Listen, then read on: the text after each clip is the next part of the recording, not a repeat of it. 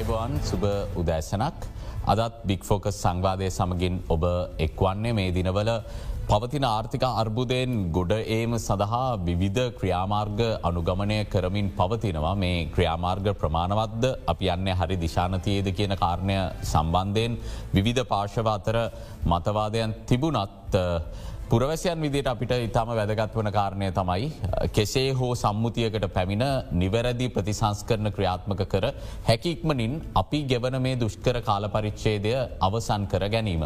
කොහමුණත් ඊයේ අපිට වාර්තාවනු ප්‍රෘතියක් තමයි ශ්‍රී ලංකාව මැදි ආදායම් ලබන රටක තත්ත්වයේ සිට අවම ආදායම් ලබන රටක තත්ත්වයට පහත්වෙන්නට මේ වෙද්දී තීරණය කල තියෙනවා කැබිනට මණ්ඩලේ සම්බන්ධයෙන් වන යෝජනාවකට අනුමැතිය ලබාදීලා තියෙනවා කියලා.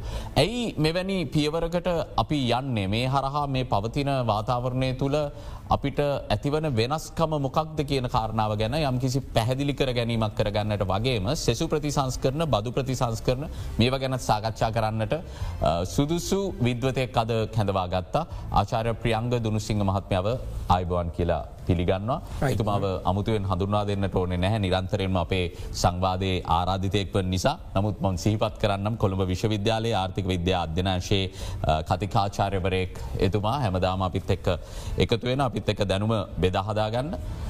කතකාචාරයතුමනි මුලින්ම මේක තරමක් එතරම් අපි බලාපොරොත්වෙච්ච ආකාරයේ ප්‍රෘතියක් නෙමේ අපි මැදියාදෑම් ලබන රටක තත්වයට පත්වෙන දෙදා සටවර්ශයේදී වගේ. ඊට පස්සේ යළිත් අපි දැන් ඒ අපේ උසස්වීම පහත් වෙලා දෙයනවා. ඇයි මේකට හේතුව. මූලික වසයෙන්ම මම දකිනාකාරයට දෙදස් විසි දෙකේ ජුලි මාසේ පලවෙනි දට තමයි ලෝක බැංකුව මූලික වසයෙන්ම රටවල් වල වර්ගීකරණය පිළිබඳ ප්‍රකාශයට පත් කරන්න ඊට පෙරවර්සයේ ඒක පුද්ගල ජාතික ආදායම මත. ඒ අනුව ලංකාව තවදුරටත් පවතින්නේ ඇත්තටම අපි කියන මධ්‍යම පහල ආදායම් ලබන කාණ්ඩේට එම නැත්නම් මැදි ආදායම් ලබන රටක් විදිහට තමයි තවමත් පවතින්නේ. ලංකාවේ ඒක පුද්ගල ආදායම පවතින ඇමරිකන් ඩොල තුන්දා සටසිය විස්සක්.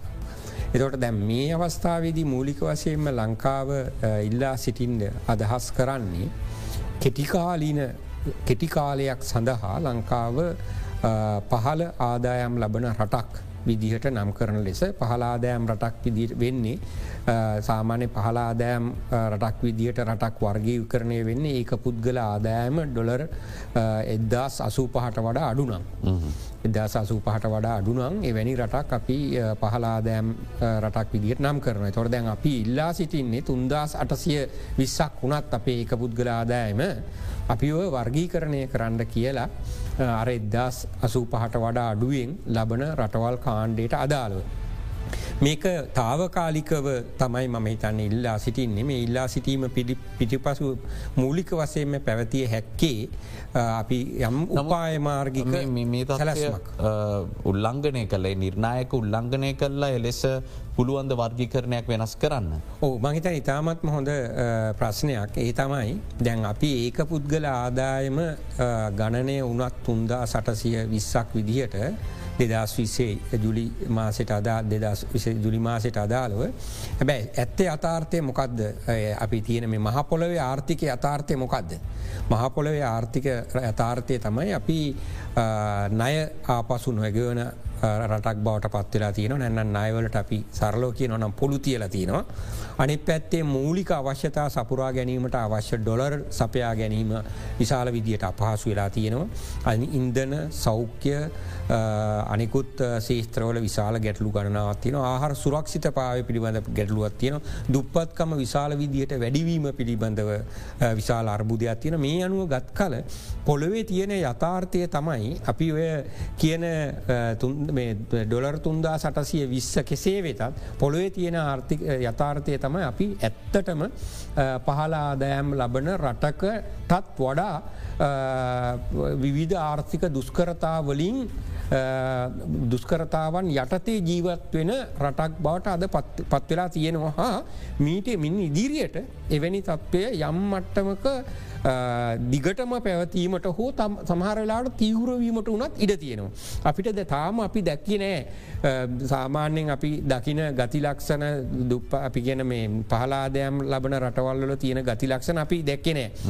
ඉහළ මන්ද පෝෂණයක් සහිත පිරිස් අධ්‍ය පාසල් නොවෙන දරු පිරිසක් ඉහළ මරණ අනුපාතක ඒ සියල් අපි මැඩ පවත්තකනාවනි නමුත් අපි නැවත වරක් ඒ දිසාවට යෑමට තියෙන ඉඩකඩ තියෙනවා. අද අද දෙදස් විසි දෙකේ මෙහෙමුණට තවවුරුදු දෙකතුනක් යැනකොට සමහර විට අපි ඒ යම් යම් අපි ගෙන සමාජ ආර්ථික දර්ශක වලින් පහල ආදෑම් ලබන රටවල් වල යම් යම් තත්ත්වයන් අපිට පෙන්නුම් කරන්න ඉඩ තියෙනවා. මේ නිසා මම හිතන්නේ උපක්‍රම සීලීව. මේ පොළොවෙ තියෙන අතා ආර්ථිකය අතාර්ථය තුළ මේ ආකාරය කෙටිකාලීන ශ්‍රේණිගත කිරීමක් එල්ලා සිටීම මංහිතන යෝග්‍ය වෙනවා. මක්නිසාද ඒ තුළ අපිට තියෙන සම් යම් යම් සුවිශේෂී වාසි උඩ. අපි ඒ වාසි ගැන කතා කරම. ඇයි අපි මෙවැනි වර්ගීකරණය පහත දාගැනීමක් කරට පස්සේ එය වාසිසාගත වෙන්නේ කිය අර්බුදෙන් ගොඩ එන්නට. ඕ මම හිතන ඒක තමයි වැදගත්ම අපි මෞලික වසයම අවධානයමු කරන්න ඕන. එක තියෙන එක් වැදගත්ක දෙයක් තමයි දැන් අපි දන්න අපි දැ මේ නයාර්බුදය තුළ නයගෙවීමට නොහැකිව විශාල නයාර්බුදයකට පැමිණීමට එක් හේතුවක් වෙනවා. ඉහල පොලි අනුපාතයන් යටතේ ලෝක බැංකුවෙන් අසයනු සංවර්ධර බැංකුවෙන් වෙනත් දීපාර්සික මූලාශ්‍රවලින් ජාත්‍යන්තර මූල්‍ය වෙළඳ පලින් අයාරගෙන ඒ අයගේ ආපසු ගේීමට අදාළ තමයි ගැඩ්ඩුවත් තියෙන. එතොට තවදුරටත් අපිට ණය ලබා ගැනීමේ හැකියාවක් නෑ අවම වසයෙන් අධ්‍යාපන කටයුතු පවත්තගෙන යන්ට සෞඛ්‍ය කටයුතු පවත්තගෙන යන්ට දුප්පත්ට අදාළ ගැටලු විසඳන්ට ආහර සුරක්ෂිත්තාවට මකැන අවම සංවර්ධන ව්‍යාපෘති සඳහාවත් තවදුරටත් අපිට ණය ගැනීමට හැකියාව වන්න ඉහල පොලි අනුපාතය යටතේ ලෝක බැංකුවෙන් හෝ ආසියනු සංවර්ධර බැංකුවෙන් හෝ ජාත්‍යන්ත්‍ර මුල්ල අරමුදන මුල්ලය වෙළඳ පලද පල. ඒ අනුව තියෙන එක විකල්පයක් තමයි අපි යම් විදිකට ශ්‍රේණිගත වුණොත් පහලාදෑම් ලාබී රටක් විදිහට අපිට හැකියාවක් තියෙනවා අර ලෝක බැංකුවේම අනුබද්ධිතා ආයතනයක් වෙන ජාත්‍යන්තර සංවර්ධන සංගමේ නැන ජාත්‍යන්ත්‍ර සංවර්ධනය සඳහා වූ ආධාර දෙන ආයතනය යටතේ පහල සහනදායි කොන්දේසි යටතේ යම් යම් නයවලට අපි සුදුසුකන් ලබනවා. සහ අපේ පවතින ණය කපාහැරීමේදීත් මේ තත්ත්වය යම් කිසි පැහැදිලිවම පැහැදිලිවම පහල ආදෑම්ලාබී රටවල්වලට විශේෂයෙන්ම කොරෝණ වසංගතයෙන් පසුව පහල ආදෑම්ලාබී රටවල්වල ණය සම්බන්ධයෙන් කොහොමද කටයුතු කරන්න කියන එක සම්බන්ධයෙන් යම් යම් එකඟතාවන් වලට යම් යම් මූලික රාමූන් වලට ප්‍රතිපත්ති රාමූන් වලට රටවල් පැමිල්ල තින ජාත්‍යන්තර පැමිල්ල තින තොට එවැනි එවැනි වැඩසටහන් වල වාසියත් ලංකාවට ලබා ගැනීම හැකියාවක් තියෙනවා. ඉති මම හිතන්න මේක තාවකා මේ කියන මේක යම් යම් රටවල් භාවිතා කරලත් තියෙනවා විවිධ අවස්ථාවන් වලදී පැවතුණු ආර්ථික අර්බුදය තුළ ආපසු රටවල් ගොඩෙන්න්න. දැන් අපි බැලුවොත් එහෙම දැන් විශේෂම මේ සමාන අර්බුදයන් පැවති ලෙබනන් ගත්තොත් ලැන් ලෙබනේ තමයි ආසිය වැඩිම උද්ධමනය තියෙන. ඒ ඒ රට දැන් ඉහල මධ්‍යම ආදායම් ලබන රට ඉන්දලා පහල මධ්‍යම ආදායම් ලබන රටක් බවට පත්වෙලා තියෙනවා. සැම්බියාව ගත්තොත්. සැම්බියාව අපි වගේ පහල මධ්‍යම ආදායම් ලබන රටක ඉඳලා අඩු ආදායම් ලාබී රටක් බවට මේ ආර්ථිකය කඩා වැටීම තුළම ඇවිල්ල තියෙනවා. එනිසා අපි දැම් මේක අපි දිගට ගියොත්. අපි මේ ඉහල මධ්‍යම මේ පාල මධ්‍යම ලාබන ආදෑම් ලබන රටක් විදිට ගියත් අපි ආපසට මේක එන්ඩට තියන පහල ආදෑම් රටක් විදිට අපි අපිට බැරිවුණොත් මේක නිවැරදි ආකාරයට කළමනා කරණය කරන්න. එහින්ද මම හිතන්නේ මේක මුල් අවස්ථායදීම අපි උපක්‍රමශීලීව මෙවැනි ආකාරයට ශ්‍රේණිගත කිරීම පහල හෙළලා එහි ලබාගත හැකි වාසි අපි ලබාගෙන නැවතවරක් අපි ශ්‍රේණිගතවීමකට යෑම තමයි මම හිතන්නේ වඩා යෝග්‍ය.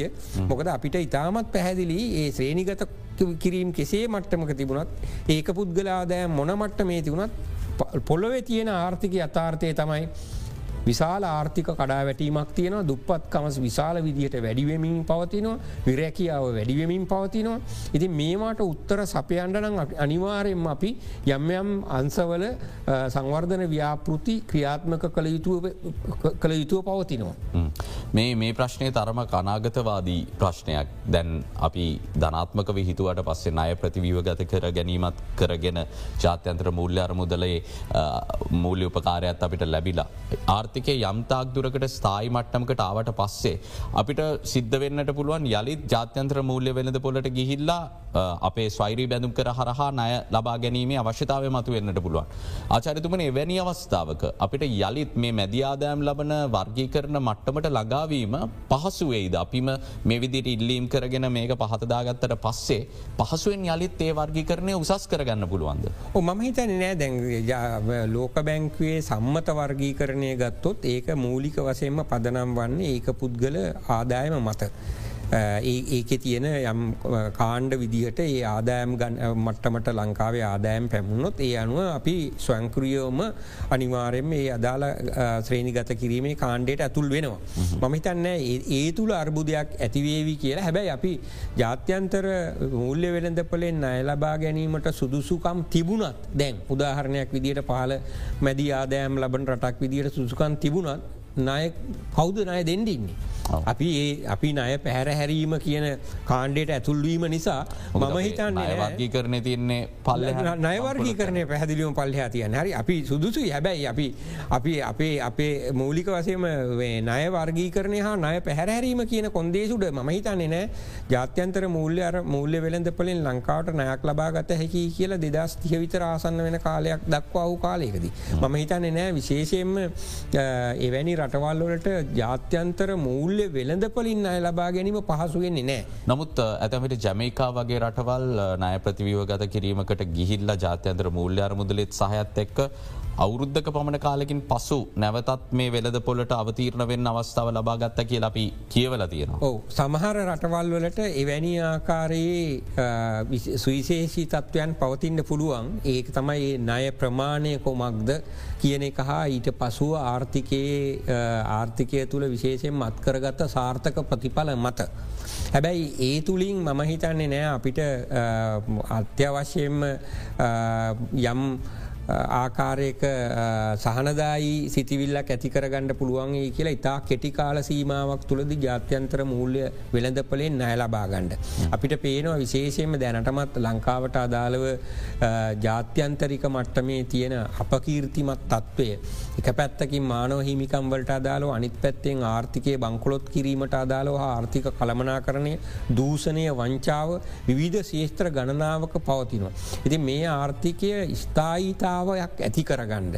ඒ ස්ථායිතාව ඇතිවෙනවාය කියන පදනම මූලික වසේම සැපෙනවා නම් එවැනි අවස්ථාවකද හැකියාව ලැබේ නමුත් අද තියෙන අපි ආර්ථික දේශපාලන හා අනිකුත් තත්ත්වයන් පිළිබඳ විමසීමේදී අපිට පේන්න තියෙන්නේ මේ ආර්ථික අර්බුදය දේශපාලන අර්බුදය කරෙන් අවුරෙන් උර ගැටමින් ඉදිරියට වර්ධනය වෙන තත්ත්වයක් තමයි පේන්න තියෙන්නේ. එනිසාහ යළිත් ජාත්‍යන්තර මූල්‍ය වෙරඳ පොලට අවතීරණ වීම ළඟපාතක දිවෙන්න නෑගිල්දම ම හිතන්නේ නෑ ළඟපාතක ඇතිවේ කියලා.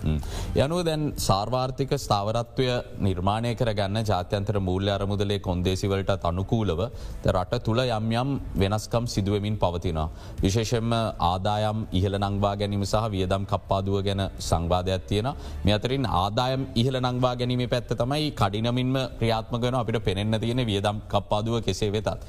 මෙහිදී ඔබතුමා කොමද නිරීක්ෂණය කරන්නේ මේ රජයේ ආදායම ඉහල නංවා ගන්නට ක්‍රියාත්ම කරන මෙවලම් සම්බන්ධයෙන් මේ බදු ක්‍රම සම්බන්ධයෙන්. මේ පවතින තත්ත්වයට සුදුසු ආකාරයට ඒ දෙවල් සිද්ධ වෙනවා කියලා අපිට කියන්න පුළුවන්ද. ඔමගේත නිතාමත් මොහොඳ ප්‍රශ්නයක්. රජය මම හිතන්නේ දැනට කෙටිකාලීනව යම් යම් බදු බදුආදෑම නිවැරදි දිසාාවකට රැගෙනයෑම සඳහා අවශ්‍ය වන්න වූ යම් යම් ප්‍රතිසංස්කරන සිද්ධ කරලා තියෙන අලුත් බදු හඳුන්ලා දීලා තියෙනවා. විශේෂෙන්ම දෙදා සිසි දෙකේ අයවැයෙන් ඉදිරිපත් කරපුු ලැබූ සමහර බදු ක්‍රියාත්මක නොවී පැවතියව ක්‍රියාත්ම කිරීම ආරම්භ කරලා තින. හැබැ අපිට තාමත් පේන්ඩ නෑ. යම් සාර්ව ආර්ථික සැලැස්මක් මත පදනම් වූ වැඩසටහනක් බදු ආදෑම ඉහලනැංවා ගැනීමට අදාළව ක්‍රියාත්මක වෙනවා. තවදුරටත් අපිට පේන්ඩ තියෙන්නේ වක්‍ර බද මත විශාල විදියට රඳා පවතින ආකාරයේ ඒ වක්‍රබදු මත ඇති කරන බදු අනුපාත නිසා විශාල වසයෙන් පහල ආදෑම් ලාබීන් බදු ආදෑමෙන් වැඩි කොටසක් ගෙවන් ගෙවීමට සැලස්සෙන ආකාරයේ බදු ක්‍රමයක් තමයි දැනට ක්‍රියාත්මක වෙන්නේ. එනිසා අපි බලාපොරොත්තු වන විශේ.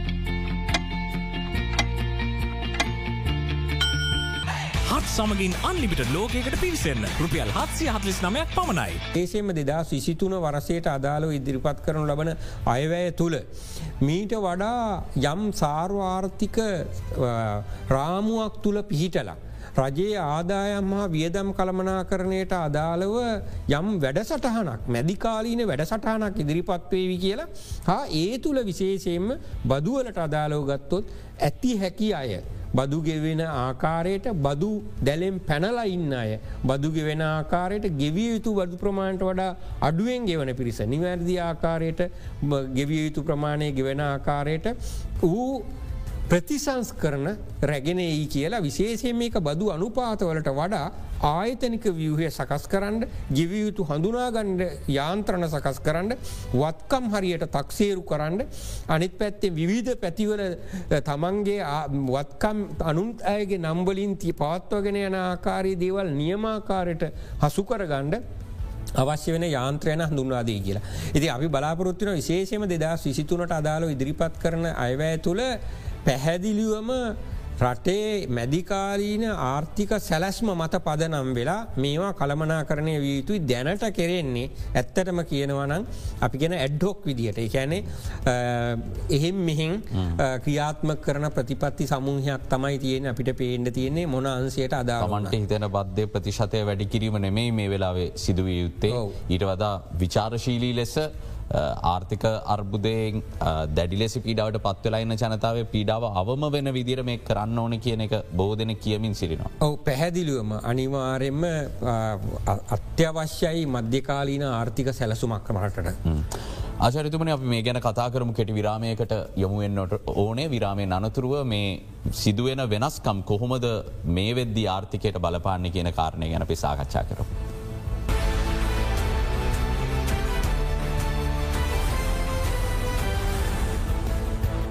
ඔබ යළිත් බික් ෆෝකස් සමගින් දේශය ආදෑම් පනතට යළිත්වරක් සංශෝධන ඉදිරිපත් කරමින් කෙටුම් පතක් ඉදිරිපත් කරන්නට සූදානමකුත් තියෙනවා. මෙහිදීත් බොහෝ දෙනෙක් කතා කරන ඇතම මේ වෙද්දී අපනයනය කියන ශේෂත්‍රය තරමක් අනිකුත් ශේෂත්‍රයක සංසන්ධනය කරද්දි හොඳින් ක්‍රියාත්මක වෙමින් පවතිනවා මේ ආර්ථික තත්ත්වය තුළ උනත් ඔවුන්ට ලබාදීලා තියෙන විදේශ විනිමය හැසරුවීමේ යම් යම් වියතිරේක මත. නමුත් මේ අංශයට බදු පැනවීමේදී කොයි තරම් ප්‍රවේශම් වෙන්න ඕනෙද රජය මොකද ඒ බදු ආදායම මත යම්කිසි ආකාරයක ඔවන්ගේ ආර්ථික ක්‍රියාකාරිත්වයක් බිද හෙළුනොත් ඒ රටේ සමස්ථාර්ථකයට මොන විදියට බලපෑමක් කරයිද. ඔමම හිතන්නේ විශේෂයෙන් අපි අමතක නොකළ යුතු කාරණාවක් තමයි දැන් ලෝක අනෙත් රටවල් පිළිබඳ අවධානයමුකරොත් ඒ රටවල් වල බදු අය කිරීමේදී විශේෂයෙන්ම ආර්ථිකයේ යම් විශේෂ සහන දීර්ඝකාලීනව පවත්වාගෙන යන්නේ නෑ කිසිදු අන්සේකට අදාළව. ඒක විදේ සායෝජනවලට අදාලවෙන්න පුළුවන් දේශීය කර්මාන්තවලට අදාලවෙන්න පුළුවන් අපනයනකරුවන්ට එන්න පුළුවන් දිගුකාලීනව යම් අන්ස බද්ධයෙන් නිදහස් කිරීම කියන කාරණාව දීර්ඝකාලීනව සිද්ධ කරන්නේ නෑ. එ අත්‍යවශ්‍යම මයි මක් නිසාද එය අමතර පිරිවයක් වෙනවා තව කොටසකට.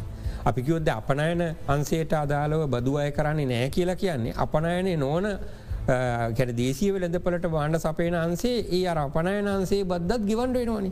එතොට ඔහුන්ගේ ව්‍යාපාර අඩපන වෙනවානි.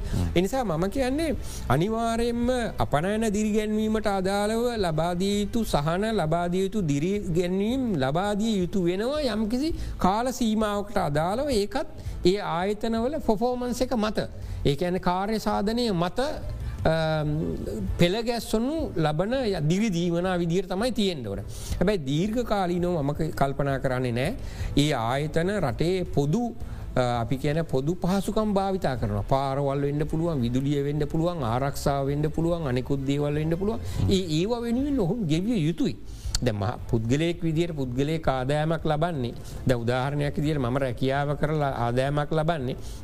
මම ඒ ඒට අදාළව අපි භාවිතා කරනවා මේ රටේ පොදු පොදු මම්මාවත් පාවිචා කරන ආරක්ෂාව වෙන්න පුළුව අනිද්‍යවල ඒවා සැපීමට රජයට මුදල් අවශ්‍ය වෙන තොට ඒ මුදල අනිවාරෙන්ම ඒ සඳහා ගෙවිය යුතුයි. එනිසා මම කල්පනා කරන්නේ නෑ අපි අපනයනාන්සයට බදු ගැහුව ගමම්ම අපනයනාන්සේ කඩා වැටේ කියලා අපි කල්පනා කරනවනම් මහිතන්න ඒ එසේ වේවි කියලා හා ඒ ඒ නිසා කවුරුහරි හරි බිය විය යුතුයි කියලා අපි අධ්‍යනය කරන්න ඕන අපේ කම්පෙටිටර්ස්ල විදිහට ඉන්න රටවල්ලොල මොනවගේ සහනද අපනෑනකරුවන්ට ලබා දෙන්නේ. එතොට ඒ හා සමාන ප්‍රමාණවත් සහන තමයි අපිත් ලබා දෙන්න ඕන. ඒ තුළ තමයි ඔවුන්ට තරග තරග කිරීමේ හැකියාව ඇතිවිය යුත්තේ. මෙනිසා අන්සයකට පමණක් සුවිශේෂ වූ සහන ලබාදීමේ ක්‍රමවේද අපි බැහැර වෙන්ඩෝන. ඒ වෙනුවට අපි සියලු දෙනාටම පොදු පවත්තින්න වූ ක්‍රමවේදයකට යායුතු වෙනවා අපනෑනකරුවන්ට සුවිශේෂී වූ යම් යම් සහන යම් කාලය කෙටිකාලීන යම් කාලයකට අදාලෝ පමණක් ලබාදී යුතු වෙනවා. දැ උදාහරණයක් විදියට තමහර ආයෝජන සම්බන්ධය අපි දීර්ඝ කාලීනව බදු සහන් ලබා දීලා තින දැන් හොඳම දේ තමයි අපි දැන් බියවයි ඇතුළු විදේශ ආයෝජන සම්බන්ධයෙන් ලබාදීලා තියෙන බදු සහන ඉතාමත් අකාරක්ෂමයි කියන එක පර්ේෂණවලින් පෙන්වා දීලා තියෙනවා. විශාල බදු ප්‍රමාණයක් අපි නාස්තිකරගෙන තියෙනවා කියන කාරණාවේ තුළ. ඒ තුළ අපි ආර්ථිකයට කරපු දායකත්තේ එම්පලෝයිමන්ටවලට දැන්න රැකියාවලට කරපු දායකත්වය සමඟ සැසඳීමේදී අපි බදු විදියට විශාල ගන්න කහිමිලා තියෙන තොට ඇතරම ඒ බදු සහන ඔවුන් කරනු ලබන කාර්යසාධනයට ප්‍රමාණවද්ද කියන ගැටලුව තියෙනවා. එනිසා ම හිතන්නේ බදුවලින් බදු හරහා ආර්ථිකයක් ආර්ථිකයක බදු සහන ලබාදීම හරහා යම් කිසි ශේස්ත්‍රයක් අකණ්ඩව එහි තිරසාරභාවය ආරක්ෂා කිරීම කියන කාරණාව පවත්වගෙනයම නොකළ යුතුයි. ඔහුන් තිරසාරෝ පැවැත්වීම සහතික කරන්න ඕන තරඟකාරීත්වය මත පලදායිතාව මත. නවෝත්පාදනය මත. ඒ සඳහා තම යෝපිය ඔවුන් තල්ලු කරන්න ඕන එහෙම නැතු රජයට ගෙවන්න ඕන බදු මුදල ගෙවන්න නැතුව. මේ ඒක වාසි අරගන්නම් අපි ජාත්‍යන්තරයේ වෙළඳම් කරන්නේ ඔහුන් අකාරයක් සමයි. ද මේ අවස්ථාවේ රට තුළ යම්කිසිආකාරයක ස්ථාවරත්වයක් දේශපාලනය තියෙනවා කියලා බැලූ බැල්මට පෙනුනාට මේක අලුයට ගිනිපුපුරු වගේ තියෙනවා කියන එක දේශපාලනය නිරීක්ෂණය කරන කෙනෙකුට තේරෙනවා. මේ වෙද්දි තියෙන අපිට තිබුණු බාණ්ඩ හිංගතාවයන්ගේ යම්කිසි අඩුවක් නිසා ජනතාව අනුගත වෙලා ඉන්නවා කියල තමයි පේන්නට තියෙන්නේ. බදු ඉහල දැමීමක් කරද්දි. විශේෂම වක්‍ර බදු වගේම රිජු බදු විශේෂම මධ්‍යම පාන්තිකයන්ට දැඩි ලෙස බලපාන මේ පෙයි ටැක්ස එක වගේ දේවල් යළිත් ක්‍රියාත්මක වෙන පටන් ගත්තට පස්සේ. පවතින තත්ත්වය තුළ මේ දේශපාලන ස්ථාවරත්වය රැකගෙන මේ ප්‍රතිසංස් කරන කරන්නට අවශ්‍ය ජනමතයක් තියෙනවා කියලා අපිට හිතන්න පුළුවන්ද. එසේ නැත්නම් පුරවැසියන් විදිට අනිත් පැත්තෙන් කොමද මේ තත්වය තේරුම් ගන්න. ඔ මහිතන ඉතාමත්ම හොඳ හා අපි කාලයක් තිස්සේ ප්‍රකාශ කරමින් සිටින දේ තමයි මේ අතාර්ථය. ඒ තමයි අද අපිට කරන්න තියෙන ආර්ථික දේශපාලන ප්‍රතිසංස්කරන දිහැ බැලූහා විශේෂයෙන්ම ආර්ථිකය ගොඩ නැගීමට අවශ්‍ය වන්නාව ප්‍රතිසංස් කරන කෙටිකාලීනව ඉතා වේදනාත්මක වූ ප්‍රතිසංස් කරන. බදු ප්‍රතිසංස් කරන වෙන්න පුළුවන් රාජ්‍ය වියදම් කළමනා කරනයට අදාළ වෙන්න පුළුවන් රාජ්‍ය අන්සේ හැකිලීමට අදාලෝ වෙන්න පුළුවන් පාඩු ලබන රාජ්‍ය ව්‍යවසාය ප්‍රතිසංස් කරණය කිරීමට අදාලෝ වෙන්න පුළුව ඒ සියල්ලක්ම කෙටිකාලීනව විශාල අපි කියන්නේ වේදනාවක් සමාජයේ යම් යම් කොටස්වලට දැනෙන තත්ත්වයක්. ඒ බොහොමයක් කොටස් ඉතාමත්ම සංවිධානාත්මකව ඒකරාසී වෙලා තියෙන තත්ත්වයක් තියෙන. ඒ සංවිධානාත්මක ඔහු ෘතිය සමීති විදියට හෝ වෙනයම් කණ්ඩායම් විදියට සමාජයේ ඔහුන් සංවිධානාත්මකයි. මේ නිසා මේ ආර්ථික ප්‍රතිසංස් කරන කිරීමට යෑම අනිවාරෙන්ම දේශපාලන අස්ථාවරත්වයකට තුළු දෙනවාම තමයි. මේ නිසා තම අපි මුලයින්දලම කියන්නේ මේ ආර්ථිකය අද වැල්ලා තියෙන ගැටලුව විසඳන්ඩ බෑ මේ පක්ෂ දේශපාලනය තුළ. තනි කොයි පක්ෂය බලයටාවත්. මේ අද තියෙන ආණ්ඩුව පෙරෙල්ලා හෙට විපක්ෂය බලයට ආවත් මේටික් කරන්න වෙනවා. මේ ටික කරන්න වෙන මේ ටික ඒ කට්ටියටත් කරන්න බෑ. මේ ටික ඒ කට්ටියටත් කරන්න බෑ බොහොම කෙටිකාල සීමාව තුළ ඔහුනුත් දේශපාලනික වසයෙන් අරාජික වෙනවා. ඉතින් මේ අතාර්ථය තේරුම් අරගෙන දේශපාලන පක්ෂ අනිවාර්යෙන්ම ජාතික මට්ට මේ එකඟතාවයක් ඇතිකර ගැත යුතුයි කියන කාරණා මුල සිටම කියා සිටියේ මෙන්න මේ අත්‍යවශ්‍ය වූ ප්‍රතිසංස් කරන ඉදිරියට ගෙනයෑම සඳහා අවශ්‍ය වෙන දේශපාලන ස්ථාවරත්වය ගොඩ නගන්න. ඉතින් අපිට පේන දේ තමයි දැන් අර තිබුණු කෑලි තුනනම් දැන් කෑලි විසිහකට විතර පාර්ලිමේන්තුව තුළ කැඩිල ගිහිලති. අනිත් පැත්තෙන් ආචරිතුමන අපි දකිනවා දේශපාලනය තුළ බොහම සාම්ප්‍රදායික විවේචන තවදුරටත් ඉදිරිට යමින් තියෙනවා. මිල වෙනස් කිරීම් සම්බන්ධයෙන් ජනතාව පෙළ ගැස්වීම් බදු ප්‍රතිසංස්කරණය සම්බන්ධයෙන් ජනතාව පෙළ ගැස්වීම් අපි අවනම් මෙහෙම වෙන්න නෑ කියලා සාම්ප්‍රදායක විදිර කියන දේවල් අපිට දිගින්දිකට පෙනෙන්න්නට තියෙන. ඉතින් ජනතාවටත් මේ වෙද්දී සාම්ප්‍රදායක විදිට තමන්ගේ දේශපාල පක්ෂ විශ්වාස කරගෙන යන්නට පුළුවන් මේ ගමන තිරසාරද අපිට බලෙන් ගොඩට එන්න පුළුවන්ද මේ විදිට. හොමම හිතන්නේ කිසි සේත්ම බෑ මේ තුළ අපිට පේන්නේ ඉතාමත්ම ස්වල්ප දෙනයි ස්වල්ප දේශපාලන නායකයන් කීප දෙනයි යම් පරිනත භාවයකින් හැසිරෙන හැසිරෙන බවක් අපිට පේන්නේ. විශේෂයෙන්ම මේ මේ ආකාරයට දේශපාලනික වසයෙන් වාසි ලබා ගැනීමේ අරමුණින් තෙල්වලට අදාළව ප්‍රශ්නයක්ගවට නැගුණත් ඉන්දනවලට ගැම විදුලියට අදාලෝ ගැටලුවක් ගොඩ නැගුණත් වෙන යම් දේකට අදාලෝ ගැටලුවක් ගොඩනත් රට වර්ගීකරණය වෙනස් කිරීමට අදාලව කරනු ලබන ප්‍රකාශය තුළත් අපි හැම තැනම දේශපාලනය හොයලා ඒ තුළ දේශපාලන සත්‍යයෝ විදියට අපි කටයුතු කරන්න වෙන කරනවනං දැන් මේ කරන ආකාරයට මම හිතන්නේ ඔහුන් විශාල හානියක් මේ රටේ ඉදිරි පරම්පරාවට කෙරෙන් කරන්නේ. ඒ තුළින් ගත්තහම විශේෂයම අපිට පේනවා මේ අපි පවතින තත්වය පිළිබඳ සැහැීමකට පත්නවෙන්ට පුළුවන්. නමුත් මේ යම් අත්කරගත්ත යම් ස්ථායිතාවයක් යම් යම් ස්ථාවරත්වය කාර්ථික හා සමාජය දේශපාලනික ස්ථාවරත්වය මම හිතන්න අපි අගේ කළ යුතු වෙනවා හා එය පවත්වාගෙන යෑමට අදාළව අවශ්‍ය වන්න වූ සහයෝගය ලබාදීම සිදු කළ යුතු වෙනවා. මක් නිසාද මේ ආර්ථිකාර්බුදය ඇතිවුණේ කරුණු කීපයක් මත එකක් තමයි කාලයක් තිස්සේ තිබීරු ආර්ථික ගැටලු. දෙවනියක තමයි කොරුණ වසංගතය නිසා ඇතිවෙච්ච තත්ත්වය. තුන්ගෙනියක තමයි වැරදි ආර්ථික කළමනා කරණය නිසා ඇතිවෙච්ච තත්වය. මේ නිසා මේ සියල්ල අපිට එක පාර කණපිට හරවන්ඩ බෑ.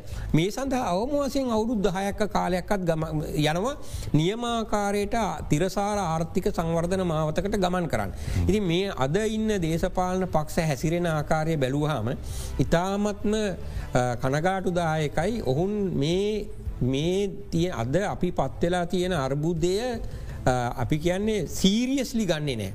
ඒක එක තියෙන දැඩිභාවය පිළිබඳ ඔහුන් සංවේදීව කටයුතු කරන බවක් හැඟෙන්නේ නෑ සාම්ප්‍රදායික කතන්දර තමයි මූලික වසයෙන් ඇහෙන්න උදාහරණයක් විදිහට හිටපු ජනාතිපති ඊට පසු අගමැති. තුමා කිව්වා දැන් වර්තමාන ජනාතිපත්තුමා නිවැරදි මාවතකට පැමිල්ල තියෙන්නේ කියෙන මං ගැන ඒවා හාස්‍ය දනවන ප්‍රකාශනේ. මේ මේ අර්බුදයක් ගිහිල්ල තියෙනවා. මේ රටක් විශාල ප්‍රපාතයකට ඇදවටල තියෙනවා. ඒකෙන් ගොඩගණ්ඩ යම්කිසි උත්සාහයක් දරන තත්ත්වයක් තුළදී එවැනි ආකාරයේ මම හිතන්නේ එවැනි ආකාරයේ ප්‍රකාශ ඉතාමත්ම මේ අසෝභනයි නිසාමත්ම කනගාටු දායකයි. මොකද ඔහුන් මේ අර්බුදයට සැලකීතු වගකීමක් දැරියයුතු පාර්සවයන්. ඉති වලකට දාලා ඉවර වෙලා වලින් ගොඩගණ්ඩ හදන මනුස්සයා කියනවන ඔහු නිවැරදි මාවතකට දැන් ඇවිල්ල තියෙන එහින්ද අපි ඔහුන් සම කටයුතු කරනවා කියලා මහිතන ඒක ඉතාමත්ම පඳබාල ප්‍රකාශයක්. සහම පවතින දේශපාලන ස්ථාවරත්වයක් තියෙනවන්නම් ඒකත් හැකික්මනින් නැති කරල දාන්න පුළුවන් ගිනි අවුලන ප්‍රකාශ දිලියව ගිනි අවුල ප්‍රකාශයකයක වගකීම් විරහිත ප්‍රකාශයන්නේ තමන් තවමත් පිළිගන්නේ නෑ මේ අර්බුදය තුළ අර්බුදය නිර්මාණයට තවනුත් කොටස්කාරය කියලා. ඒ ඒක ඒ තුළ තියාගන මේ අර්බුදයෙන් ගොඩගණ්ඩ හදන පාර්සවයන්ට මම හිතන්නේ යම්මාකාරයක අවඥ්ඥාවෙන් ඔහුන් ඒ ප්‍රකාශ කිරීමක් තමයි සිද්ධ වෙන. ඉතින් අපි ඒක තමයි මූලික වසයෙන්ම කියන්න තියෙන මේ විශේෂෙන්ම ආර්ථික ප්‍රතිසංස් කරන සම විශේෂයම ආයතනික ප්‍රතිසංස් කරන සිදුකිරීම ඉතාමත්ම දුස්කරයි ඒ ඒවා සිදු නොකර අපිට ඉදිරියට පැවැත්මක් නෑ. ඉතින් ඒවා සිදුකිරීමට දේශපාලන පක්ෂ වෘතිය සමීති හා අනෙකුත් සංවිධාන ඉඩ නොදෙන තත්ත්වයකට තමයි රට ගමන් කරමින් ඉන්නේ ඒ තුළ ඇත්තටම හෙට දවස නැතිවෙන්නේ මේ රටේ දුගී දුප්පත් මිනිස්සුන්ගේ දවාදරුවට බොහෝවිට ඇති හැකි අය රටින් පිට රටින් පිට යාවි එනිසා මම හිතන්න මේ පිළිබඳ ජනතාව බුද්ධිමත්ව කටයුතු කිරීම ඉතාමත්ම වැදගත් වෙනවා. ඒ අනුව ආදායම උත්පාදනය ගැන අපි කතා කලා නමුත් වියදම් කප්පාදුව ගැන කතා කරමින් හිටියට බොහෝ වගකිව යුතු පාර්ශව ප්‍රමාණවත් පරිදි ඒ සඳහා පියවර අරං තියෙනව කියලා අපිට හිතන්න පුළුවන්ද ප්‍රතිවියූ ගත කිරීම සම්බන්ධයෙන් කල්ගත වෙන්න පුළුවන්. නමුත් මේ වෙද්දි කල්ලා තියෙන මූලික සැකස්ම ගැන අපට සෑහිමකට පත්වවෙන්න පුළුවන්. මම තැන මේ අවස්ථා වෙන විට සංවර්ධන ව්‍යාපෘති දැන්නම් අපි ගෙන ප්‍රාග්ධන වියදම් සහිත ව්‍යාපෘතිතාවකාලිකව නවතා දමා තියෙනවා. අනිත් පැත්තෙන් බඳවා ගැනීම් රජයට බඳවා ගැනීම් වැනි දේවල් තාවකාලිකව නතර කරලා තියෙනවා. අනිත්කුත් සමහර සමහරක් වියදම් ශේෂත්‍රයන් අවමෝසයෙන් අවම කිරීමට යම් පියවර අරගෙන තියෙනවා ඒ සඳහා වශ්‍ය වෙන චක්‍රලේක නිකුත් කරලා තියෙනවා. හැබැයි යම්යම් ශේස්ත්‍රවල අපි අර මුලින් මීට පෙර කීපවතාවකදි සඳහන් කරලා තියෙන විශේෂයෙන්ම වරප්‍රසාද ලබා දෙන මට්ට මේ වියදම් තවදුරටත් අඩු වැඩිය විදිහට ක්‍රියාත්මක වෙන තත්ත්වයන් පවතිනවා. විශේෂෙන්ම ආරක්ෂ කාන්සවලට වගේ අනිත් පැත්තෙන් දේශපාලඥයන්ට අදාළව වුවත් මම හිතන්නේ තවදුරටත් යම් යම් වරප්‍රසාද බුක්තිවිඳීම සඳහා අවශ්‍ය වන්න වූ ඒ හෙදම් දරණ තත්ත්වයක් පවතිනවා. මම හිතන්නේ මේවා අවම වසයෙන් ඊළඟ අයවැයේදීවත් නිවැරදි විය යුතු ශේෂත්‍ර විදියට තමයි මම කල්පනා කරන්න විශේෂයෙන්ම අපි දන්නවා මේ අද බදු බදු මේ වැඩි කරලා තියෙන බදු සැලකිය යුතු විදිහට දායකත්වයක් සපේනවා මේ ඉහළ ගිහිල්ල තියෙන මිල ගණන් වලට. මේ බදු බදු නිසා යම් බාණ්ඩමිල ඉහළ යෑම් මේ පහුගිය සමාජාරක්ෂක බද්ධ නිසත් බඩුමිල ඉහළ යෑමක් සිද්ධ වුණ. තොට ඒ කියන්න අපි මේ බදු ගෙවන්නේ ඉතාමත්ම ආර්ථික වශයෙන් දුස්කර වෙලා ඉන්න මොහොතක. ඉතින් ඒ හිඟන්නගේ ඉඳලා ඊට ඉහල ආදෑම් ලබන පුද්ගලයන් දක්වා.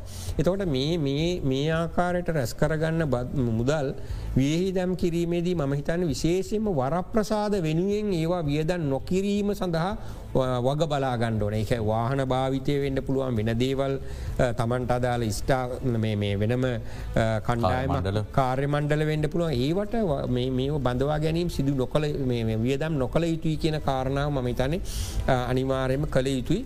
අපි අත්‍යවශ්‍යම ශේස්ත්‍රවලට විතරක් වියදම් කරමින් විශේෂයෙන්ම ජනජීවිතය ඉතා දුස්කර වෙලා ඉන්න ජනතාව රැකබලා ගැනීමට අවශ්‍ය වන්න වූ සහයෝගය ලබාදීමට තමයි මම හිතන්නේ මූලික වසයෙන්ම වැඩි අවධානයක් යොමු කරන්නට දැන් අපි දන්නවා මන්ද පෝෂණය වැඩිවීම පිළිබඳ සංඛ්‍යා දත්තල දත්ත ඉදිරිපත්වීමක් පහුගිය සතිකීපය තුළ මාසකීපය තුළ වෙනවා. දුප්පත්කම ඉහලයම පිළිබඳ වාර්තාාවන දරුව පාසල් ඇවිල්ල කලන්ත දැමීම පිළිබඳ වාර්තාව පාසල්ලයන් නැති දරු පාසල්යන් නැති දරුව ඉන්න මේ සත්‍ය අසත්‍ය හෝ කොපමණ ප්‍රමාණයද යන්න සම්බන්ධය විධයට තරක විතර්ක තියෙන පුළුව නමුත් පැහැදිලිවම මේ ආර්ථික අර්බුදය තුළ තුන්වේල පිරිමැසා ගැනීමට අදාළව බරපතල ගැටලුවකට සමාජයේ යම්ම කණ්ඩායම් පත් පත්වෙලා ඉන්න.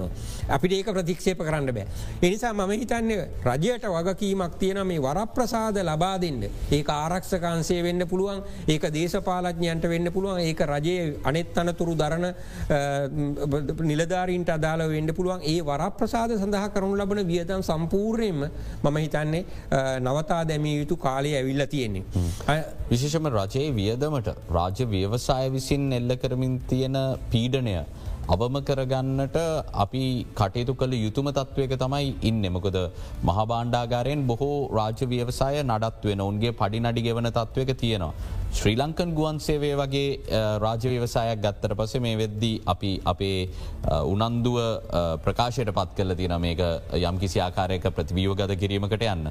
නමුත් ආයෝජකයෙක් ඇවිල්ල තියෙනවා කියලා තවමත් වාර්තාවෙන්නේ නැහැ මේක තියෙන නායකන්දරාවත් එක් මෙහම කිව්වට ඇත්තරම් ප්‍රතිවියෝගත කරන්න පුළුවන් තත්වයකද මේ ඇතැම් රාජ්‍යව්‍යවසාය තියෙන්නේ ආචාරතුම. මංහිතන ඒ අපි ඉතාමත් හොඳ ප්‍රශ්නය විශේෂයම ශ්‍රී ලංකන් ගුවන් සේවා වැනි දී සම්බන්ධයෙන් කල්පනාකරොත් ප්‍රතිව්‍යහ ගත කිරීම කුමනාකාරයට කළ ඇකිද ආයෝජකයෝ ලබාගත හැකිද? යන්න පිළිබඳව මූලික වසයම ගැටලු පවතින්න පුළන් අද තියෙන දේශීය වසයෙන් තියෙන තත්ව විතරන්නම ගෝලිය වසයනු අපි දන්නවා ගෝලී ආර්ථිකය යම් කඩා වැටීමකට යමින් පවතින තත්ත්වයක් පවතින එමදන්න මේ අපි ගෙන රිකවරිය එක එමනන්නම් නැවත යතා තත්වයට පැමිණීම යම් කල්ගත වන තත්ත්වයක් පවතින්නේ එවැනි අස්ථාවක ආයෝජික සොයා ගැනීමත් එතරම පහසුවෙන්නේ නෑ. අනෙත් පැත්තෙන් රාජ්‍ය විවසාය ප්‍රතිසංස්කරණය කිරීම කියන එක අත්‍යවශ්‍යම සිදුවිය යුතුයි. අපි දැම් බාණ්ඩාගාරයෙන් මුදල් අරගෙන සමහර රාජ්‍ය ආයතන නඩත්වයනි නැන්නම් ක්‍රියාත්මක වෙන්න කිව්වට මහ බාණ්ඩාගාරයම තමයි යම් විදිහකට මේ රාජ්‍යායතන පාඩු ලබන් වාඩු ලබන තත්වයට පත්වීමට වග කියන්නවට. උදාහරණයක් විදිහට මහබාණ්ඩාගාරය කියනවා මේ රේල්වේ ඩිපාර්ට්මන්ට් එකට පාසල් දරුවන් වෙනුවෙන් රාජ්‍ය සේවකයෝ වෙනුවෙන් සබසිඩිය එකත් දෙෙන්ට මේ ප්‍රවාහනයේදී කියලා සීසන් එක කියලා. මේ මහබාණ්ඩාගරයේ අදාළ මුදල මෙහට අරින්න යවන්නෑන. අනිත් පැත්තෙන් මහබාණ්ඩාගර ඉඩ දෙන්නේ නෑ මේ ටිකට් පතේ මිල වැඩි කරන්න. එතොට දැ මේ අපි බැලුවොන් මේ දැන් විදුලි බිලට අදාල වෙන්ඩ පුළුවන් ජල මිලට අදාල වෙන්ඩ පුළුවන් ගෑස් ටැන්කිට දාල වෙන ඒ මිල හැඩගැස්වීම් සිදුකිරීමට අදාළ අවසරය ලබා නොදී. ඒ ආයතන පාඩු ලබනවා කියන කාරණාව අපි නිරන්තරයෙන් ගොඩනැගීම සාධාරණ වෙන්නේ නෑ. එනිසා මම කියන්නේ දැන් ව්‍යාපාරික විදියට දැන් රාජ්‍ය විවසාය පවත්තගෙන යන්නේ ඇයි. ඒක අරමුණු කීපයක් තියෙන එකක් තමයි විශේෂයෙන්ම සංවර්ධන අරමුණු වෙනුවෙන් රටේ සංවර්ධන ප්‍රමුඛතාවලට අදාළව යම් යම් රාජ්‍ය මැදිහත් වීම් කරන්න. අනිත් පැත්තෙන් විශේෂයෙන්ම පෞද්ගලිකාන්සය අපි කියන ඒ තුළ සමාජ බාහිරතා වැනි තත්ත්වයන් පවතින තත්ත්වයන් තුළ. මිනිසා මම හිතන්න රාජ්‍ය විවසාය ප්‍රතිසංස්කරණය කළ යුතුයි කෙසේද ඒවායේ ඒවා පිහිටවීමේ දේවා ආරම්භේදී තිබුණුවේ සංවර්ධන අරමුණු තියෙනවනි. ඒවාට හානියක් නොවෙන ආකාරයට විශේෂයෙන්ම ඔවුන්ගේ නිෂ්පාදනය හෝ සේවායවේ පිරිවෑවත් අවරණය කරගන්න පුලන් විදිහට. වන්නේ එකතම මූලිකසයම කියන්න උත්සාහකරය අවම වසයෙන් අපි කියන පාඩු නොලබන තත්ත්වයට පිරිවෑය කළමනා කරණය කියල හැකි ආකාරයට මහිතනේ මේ සම්බන්ධෙන් පියවර කීපයක් ගත්ත දෙදස් පහලෝ දෙදස් දාහතේදී.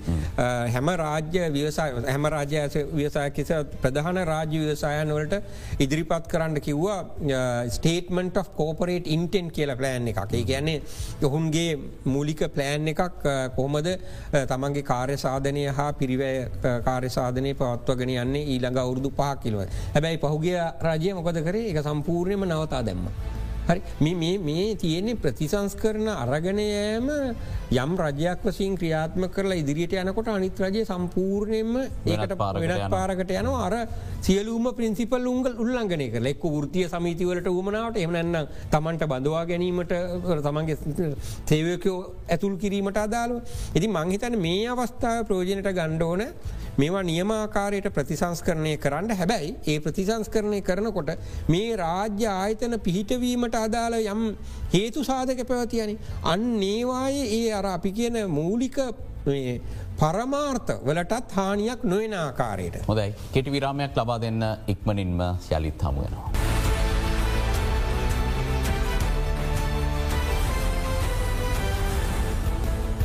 යළිත් බික් ෆෝකස්.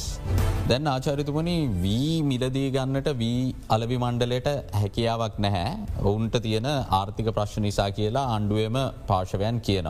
ඔබතුමා කලින් මතු කලා වගේ වී අලවි මණ්ඩලේ රුපියල් එකසිය විස්සට වීමිලදීගත් අවස්ථාවල් වලදී. රුපියල් අසුවට සතුසට මේක විකුණන්න කියලා ආණ්ඩුවම මහබාණ්ඩාකාරයම තමයි ඔවුන්ට කියන්නේ. ඒ නිසා වෙච්ච නයකන්දරාව ගෙවාගන්න බැරුව දැන්නවන්ට අලුතෙන් ගොවීන්ගෙන් වීමිලදී ගන්නට හැකියාවක් නෑ යනු යළිත් අර ඒ අධිකාරයට හැකියාවක් ලැබෙන රටේ සහල්මිල තීරණය කරන්න. කොහොමද මේ නිවැරදි කරගන්න. මේවා මම හිතන්නේ එක තමයි මූලිකම කාරණාව මතු කළ යුතු වෙන්නේ. බාණ්ඩාගාරය නිතර නිතර ප්‍රකාශ කරාට මෙච්චර පාඩු ලබනවා මේ ප්‍රමාණයක් පාඩු ලබනවා කියලා අපි බැලුවොත් ඒ පාඩු ලැබීමට මූලිකම හේතු වෙලා තියෙන අදාළ ප්‍රතිපත්ති තීරණ තීන්දු නියමාකාරයට ගැනීමට අවශ්‍ය නිදහසේ ආයතනට ලබා නොදීම කියන කාරණාවත් මූලික වසයම පවතිනවා. මම තැන ඒ අතින් බලසක්ති ඇමති වර්තමාන බලසක්ති ඇමති විශේෂම කනිජ තෙල් වලට අදාළව සහන ලබාදීමට විවිධ පාර්ශයන් යෝජනා කිරීමේදී පැහැදිලියොම කිව්වා බණ්ඩාගාරය අපිට මුදල නැතිවෙන මුදල ලබා දෙනවනම් අපි සූදානම් දෙන්න එහෙම නැත්නම් දෙන්නේ නෑ. මම තන්නේ ඒ එවැනි ආකාරය කළමනා කරනයකට යායුතුව පවතිනවා. රාජ්‍ය ප්‍රතිපත්තිය විදිහට යම් තීරණයක් ගන්නන ඒ ප්‍රතිපත්තිය ක්‍රියාත්ම කිරීමේදී ඇතිවෙන පාඩුව ඒ බාණ්ඩාගාරය හරහ ලබාදීම මූලිකසයෙන් සිද්ධ වෙනවා. ඉතින් දැම් මේ වීල වී මිලදී ගැනීමට අදාළව තත්ත්වත් මේකයි ඉතින් මේක තමයි තියෙන මම හිතන්නේ විශාලම අර්බුදය ඒ අදාළ අමාත්‍යංශවල නියමාකාරයට කළමනාකරණය වීමක් නැන්නම් නියමාකාරයට සංවිධාන සංනිවේදනයකින් තොරෝ යම් යම් දේවල් බොහොම අපි ගෙන ඇඩ්හොක් විදියට. නිකං පැහැදිලි ප්‍රතිපත්තියක් නැති තත්ත්වයක් තුළදි කරුණු ලබ ගනු ලබන තීන්දු තීරණ නිසා තමයි මේ අර්බුද ඇතිලා තින අචරිතමන හැබැද අපේ රටේ තියෙන ආකල්පත් එක්ක අපි ස්භාවම සහනවලට හරි ආසය. අයවෑ ලේඛනය කියද්දී ඒ දවසෙනකම් අපි බලගන්නේ මොනාද ලැබෙන සහන කියලා දැනගන්න. තොට යම්හයකින් මහාබාණ්ඩාගාරය රටේ විදායකය කැබිනට් මණ්ඩලය රටේ ගෑස් සම්බන්ධයෙන් හෝ විදුලිය ඉන්දන සම්බන්ධයෙන් සහනයක් දෙද්දි. විශ්‍යභාර අමාත්‍යවරයකට විරුද්ධ වෙනවා නම්. ඔහු ජනතාව ඉදිරියේ ද්‍රෝහියෙක් වෙනවා මේ රටේ තියෙන ආකල්පයට අනුව. අපි කොහොමද මේ ආකල්පමය වෙනස ඇති කරගන්න එහිදී විද්ධතුන්ට ජනමාධ්‍යයට මේ සියලුම දෙනාට රටේ ජනතාවට ඇත්ත කියර දෙන්න තියෙන වගකීම මොන වගේ ඒක ඉටු වෙලා තියනොද මේ සියලු පාර්ශවලි. නෑ විශේෂයම මම දකින්නේ ඒක ඉටුවීම ඉතාමත්ම පහල මට්ටමක පවතින්නේ. විශේෂයෙන් අපි කල්පනාකොරොත් වර්තමාන බලසක්ති ඇමති. තරුණ ඇමතිවරයෙක් විදිහට විශාල වැඩකොටසක් සිදු කරමින් පවතිනවා මේ එක පැත්තකින් ඉන්දන අර්බුදය විසඳන්ඩ අනිත් පැත්තේ මේ ශේස්ත්‍රය තුළ යම් කාර්ය සාධනයක් සහිතව සාර්ථකෝ ඉදිරියට ගෙනියන්න. දැන් ඔවුන් ඔවුන්ට අවශ්‍ය වෙන සහයෝගය අපි බැලුවොත් මාධ්‍ය තුළින් අනෙකුත් දේශපාලන ශේත්‍රෝලින් ලැබෙනවද කියලා. ඒ ඒට හාත් පසිම වෙනස් දෙයක් තම අපි අපිට පැහැදිලුව දකින්න තියෙන. මෙනිසා මම හිතන්නේ මාත් අපි දකින දැන් උදාහරණයක් විදිට පූජනය ස්ථානවලට අදාළව ප්‍රශ්නයේදී.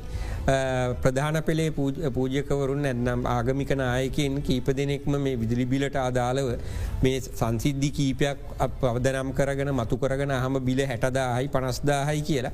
අවසානයේදී තීරණය කරා මේ ඇත්තරම වර්ජනයක් කරන්න කියන පෝයදාට ලයිද්දාන්නේ නෑ කියලනේ ඔදාට විදිලිය භාවිතා කරන්න ඒක වර්ජනයක්නේ හිටියම කියනවන හරි ඒ තුළ අවසානයේදී තීන්දුව අපසට ගත්තා. නමුත් සත්‍ය වසයෙන්ම කළ යුතුව පැවතිය එක නෙමෙයි. මේක තමයි තියෙන අර්බුදය මේ නිවැරදි ආර්ථික තීන්දු තීරණ ගන්නකොට තැන් අවමවසෙන් ආගමික නායකින් හරි තේරුම් ගණ්ඩ ඕනෑ වැඩියෙන් විදුලි බලය පාවිතා කරනවා කියලා කියන්නේ අමතර ඩොලරයක් රටෙන් එලියට යවනවා කියන කන. මේ අවස්ථාව ඒක කරන්න පුළුවන් තත්ත්වයක්ද. මේ විදුලි බිල වැඩි කිරීම තුළ තියෙන්නේ විදුලිය කාරයක් අරපරිමස්මෙන් භාවිතා කිරීම කියන එකන. මේ අද ආර්ථික අර්බුදය ඇවිල්ල තියෙන්නේ අපි මේ සහනදායි විදියට ඉන්දන දීලා සහනදායි විදියට විදුලිය දීල සහනදායි විදියට ගෑස් දීල අපි විශාල විදියට ආනයන ප්‍රමෝට් කරලා නිතියෙන්නේ. අපන දරපනයනවලට දරාගණ්ඩ බැරි මට්ටමට ආනයන ප්‍රමෝට් කරලා නිතියෙන්. ඉතින් මේ අවසාන වසයෙන් පූජක තුමල්ලා ඉදිරිපත් කරපු කාරණා මත විදුලි බිල සඳහා සාහනයක් ලබා දුන්න. ඇත්තටම ඔවුන් නිවැරදිව කල්පනා කරන මේ ආර්ථික අර්බුදය තුළ අල්පේච්චතාවේ තමයි මූලික වසයෙන්ම අපි අනුගමනය කරන්න ඕන. ඒ අනු අපි හැකිතාක් දුරට මේ අර පරිස්සමෙන් භාවිතා කිරීම මේ තුළින් සිදුකරනු අපි මේ හරහා කියලා ඒ ඇත්තට මේක රටේ ආර්ථික සංවර්ධනයට විශාල රුකුලක්න. හරි එනිසා මම හිතන්නේ ඒ ඒ අදාළ මේ කාරණාව මාධ්‍ය හර වුනත් මතු කරලා දුන්නේ නෑන ඇමතිවරයාගේට අදාළ සහයෝගය. ඒති මම මම හිතන්නේ ඒ නිසා මේ ආර්ථික ප්‍රතිසංස් කරන ගත්තත්. මේ ආර්ථික ප්‍රතිසංස්කරනවලට අදාලෝ විශාල බිල්ලෙක් මමණ්ඩත් පුළුවන් එම නැත්නම් කිසිදු ආකාරයේ අර්බුදයක් නොමැතුව මේවා ඉදිරියට ගෙනියීමට අදාළ සහයෝග දෙන්නත් පුළුවන්. අපි පොදු සියලු දෙනා තීරණය කළ යුතුයි මේක බිල්ලක් මවලා මේ අර්බුදේ තවදුරටත් තීවර කරගෙන ආර්ථික වසයෙන් මේ රට අගාධයකට අරගෙන යනවද. එහෙම නැත්නම් මේක නිවැරදි කළ යුතු දේවල් මේ අවස්ථාවේදී නිවැරදි කිරීමට අදාල් අපි සහයෝගය ලබා දිනවද කියලා. ඒ සහයෝගය ලබාදීම කෙටිකාලින අපි ජනප්‍රියන වෙන්ඩ පුළුවන්. තනිවතිය පුද්ගල වෙන්ඩ පුළුව මාධ්‍යායතන වෙන්ඩ පුළුවන් දේශපාලජයන පුළුවන් කෙටිකාලින අපි ඒක ජනප්‍රිය නොෙන්ඩ පුළුව උදාහරණයක් විදිට හිටපු මුදල් ඇමති මංගල සමරවීර. අපි දැන් ඒ විශේෂෙන්ම කනිජ තෙල්වලට අදාලෝ මිල සූත්‍රය හඳුන්වා දුන්නාම ඌට විශාල අර්බුදයකට මුණ පැව. ටෙලිකොම් පෞද්ගලි කරන ටෙලිකොම් පෞද්ගලි කරන කිරීමති දැන් ප්‍රතිලාබ තියෙන දැන් ප්‍රතිලාබ තියෙනවා. ඉතින් ඒ ඒ නිසා මම කියන කෙටිකාලීනව දයන ජනප්‍රිය භාවයන් පිළිබඳ විතරක් කල්පනා කරලා අපි රාජ්‍ය ප්‍රතිපත්ති හසුරුවන්ඩ රාජ්‍ය ප්‍රතිපත්ති ඇති කරන්න කල්පනාකොරොත් දිගුකාලිනෝ මහා විනාසයක් ඇති කරන්නේ.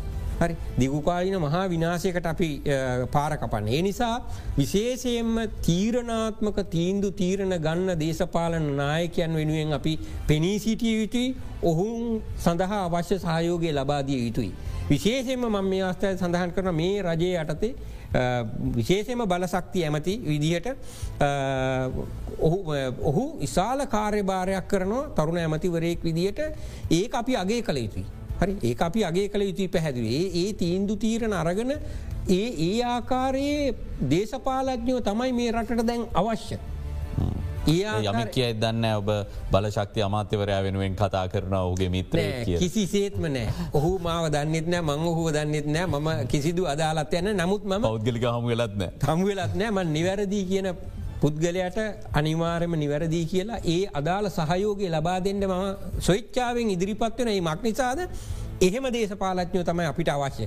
එහෙම තරුණ දේශපාලඥෝ ඒ විදිිය බයසැක්කකින් තොරව තීරණාත්මක අභියෝගය අභියෝගය බාරගෙන ඉදිරියට යන පුද්ගලෝ තමයි අවශ්‍ය වෙන්න. දැන් ඉන්දන අර්බුදය තිබුණා.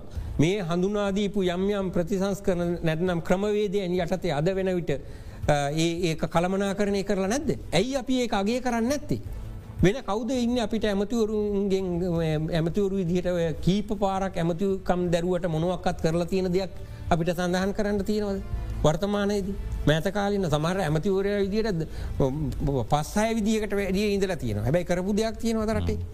මේ මහිතන එතුම කතා කරන්නෙත් ඇමති වරයා ගැන මේ ඔහු විසින් ක්‍රියාත්ම කරන ප්‍රතිසංස් පැහැදිලිමකද මේ අවස්ථාවේ ප්‍රතිසංස් කරන කොයි තරම් වැදගත්ත කියන කතාන්දරේ තමයි හැමදාම් බික් ෆෝකස් සංවාධය තුළත් අපි අවධානය යොමු කරන්න රුත්සා කරන කාරණය. මේ එතුමා කිව්ව වගේම මේ සියලු ප්‍රතිසංස් කරන කෙටිකාලීනව ඉතාම වේදනාකාරී ප්‍රතිසංස් කරනය නිසා සමාජයේ සහයෝගය අත්‍යවශ්‍යය මේ අවස්ථාවේදී මේ සිදුවිය යුතු ප්‍රතිසංස් කරන ඉදිරියට ගෙනයාම සඳහා.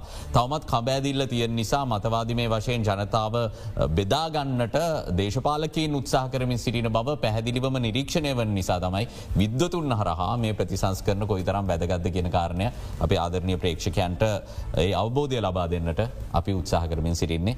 ඒ වෙනුවෙන් අපි කරපු ආරාධනය අද පිළිගත්තාට ආචාරතුමනි බෙහිවින්ම ස්තුතියි ඔබතුමාට එත් එක්කම ඉදිරියටත් අපි මේ ගැන කතාකරම මේ ප්‍රතිසංස් කරන ගැන කතා කරමු සමාජයත් එක්ක සංවාධයක් ඇතිකරගමු විශේෂම දේශපාලකින්ගේ අදහස්වලින් ඔබට ගිහිල්ලා මේ සම්බන්ධයෙන් යම්කිසි අධ්‍යනයක සිටින පිරිස් කියන්නේ මොනවාද කියන කාරණය සම්බන්ධයෙන් අවධානෙන් සිටියයුතු කාලසීමාවක් මේ.